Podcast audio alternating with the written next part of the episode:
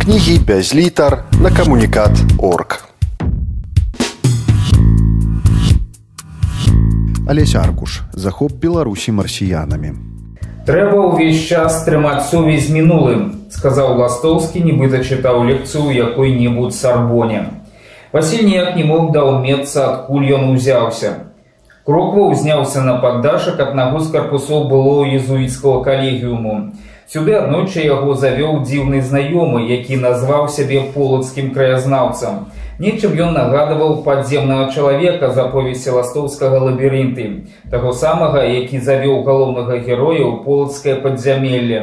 Гэты краязнавец ведаў усё, што рабілася ў полацку дзе раскапалі яму і што там знайшлі, дзе абсунуўся бераг палаты і якія таямніцы гэта адкрыла, дзе насамрэч у полацку пахаваны французскі генерал забіты ў 1812 годзе.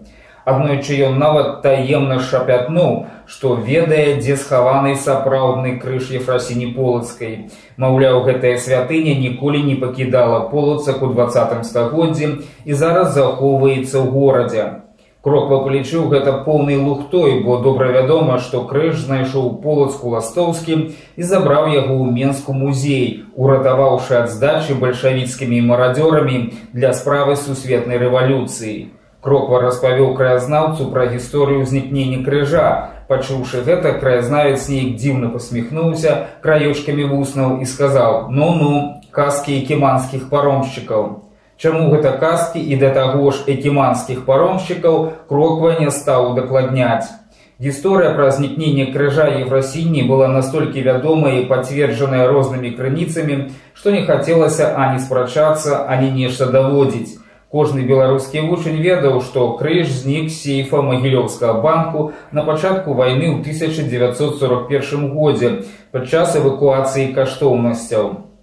Аднойчы падземны чалавек, назовем яго так, сказаў крокве, што знайшоў дзіўны надпіс у будынку былога езуіцкага калегіуму і мог бы яго паказаць. Маўляю, гэта будзе яму цікава. Заінтрыгаваны кроква папрасіў паказаць. Сваімі таемнымі сцежкамі падземны чалавек правёў яго на патрэбны паддашак. У скрайнім правым куце гарышча чалавек лёг пад бэльку і заклікаў тое ж самае зрабіць крокву.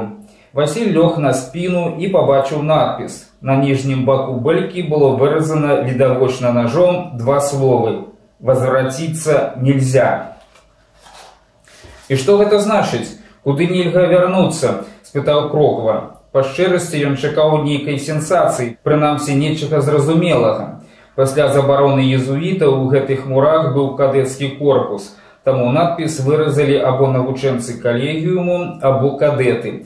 Хутчэй нават кадэты, бо навучэнцы калегіуму вучыліся па-польску і пісалі па-польску. Загадка, якую трэба разгадаць, адказаў краязнаўца. А можа, няма ніякай таямнічай загадкі, проста нешта асабістае. Можа, знікла каханне нельга вярнуцца да ранейшых адносін ці штосьці патрэбнае. Не думаю, тады надпіс быў бы зроблены адкрыта, не схавана. Значыць, гэта таемны надпіс, зрабіў выснову падземны чалавек. Кроква некалькі дзён думаў пра сэнс гэтых двух простых словаў. Ніякай лагічнай разгадкі яму не прыходзіла ў галаву. Быў толькі адзін рэальны шанец развязаць гэты вузельчык, знайсці нейкую падказку, пашукаць побач, можа там былі іншыя надпісы, звязаныя з гэтым. Васіль не стаў турбаваць краязнаўца і выправіўся ў езуіцкія муры другі раз сам. Ён аблазіў побач з надпісам усё, што толькі можна. Знаходзіў іншыя, але гэта былі проста імёны і прозвішчы відавочна былых навучэнцаў. І тут ён пачуў знаёмы голас ластоўскага. Трэба ўвесь час трымаць сувязь з мінулым. Кроку нібыта працяла электратокам. Ён узняў галаву і убачыў ластоўскага, што сядзеў на той самай бэльцы, пад якой быў таемны надпіс. Власт быў у тым самым шэрым касцюме, як і на сваім славутым фотаздымку. Дзеля чаго? Пытанне ў круквы атрымалася па-дзіцячы наіўным. Васілю падалося, што гэта не ён спытаў, бо пытанне прагучала без яго волі. Інакш губляецца перспектыва руху, а вярнуцца ўжо нельга. Кропе падалося, што ён пачуў нешта важнае, але ніяк не мог зразумець, што менавіта. А што, існуе нейкі агульны рух і куды гэты рух? Цяпер кроква імкнуўся кантраляваць сябе і паспрабаваў сфармуляваць пытанні больш сэнсоўна.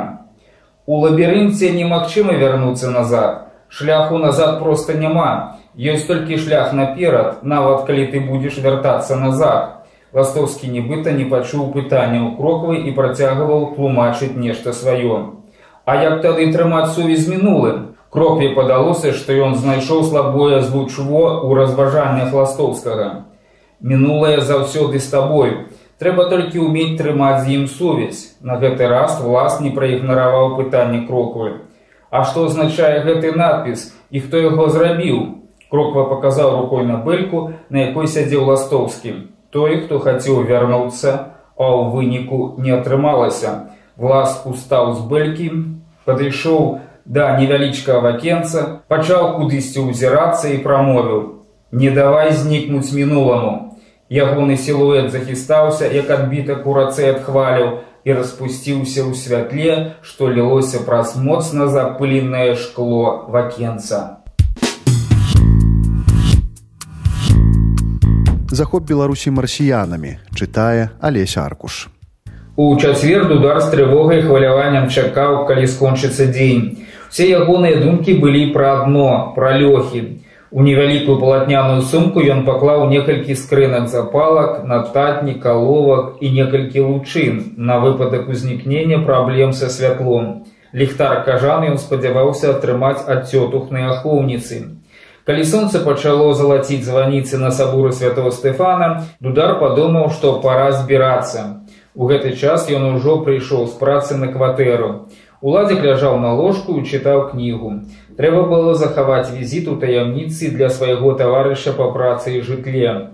Дутар вырашыў згатаваць вячэру, зрабіўшы самае простае на хуткую руку, але запрасіў уладзіка да супольнага халасцяцкага стала. І што чытаеш, спытаў дудару сябра. Сёння калега з віцебскай газеты перадаў навінку. Кузьма чорны, срэбра жыцця, вельмі не падабаецца. Пакажы кнігу, папрасіў дудару, узяў яе ў рукі і пачаў гартаць. Кузьма чорны, наш маладняковец, таленавіты празаек. Я чытаў дзве яго ранейшыя кнігі на граніцы і апавяданні, то пакінне і гэтую пачытаць. Я ўжо амаль прачытаў, ты таксама можаш сёння за вечар асіліць.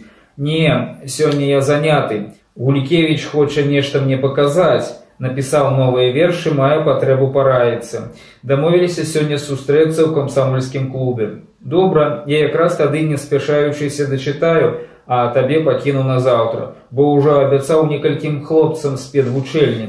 Яны пачакаюць, дамовіліся. Удар хуценька павячэраў пачаў апранацца. На вуліцы было амаль бязлюдна. Вечар паціху заліваў поласкія двары сваёй ліпучай смалой.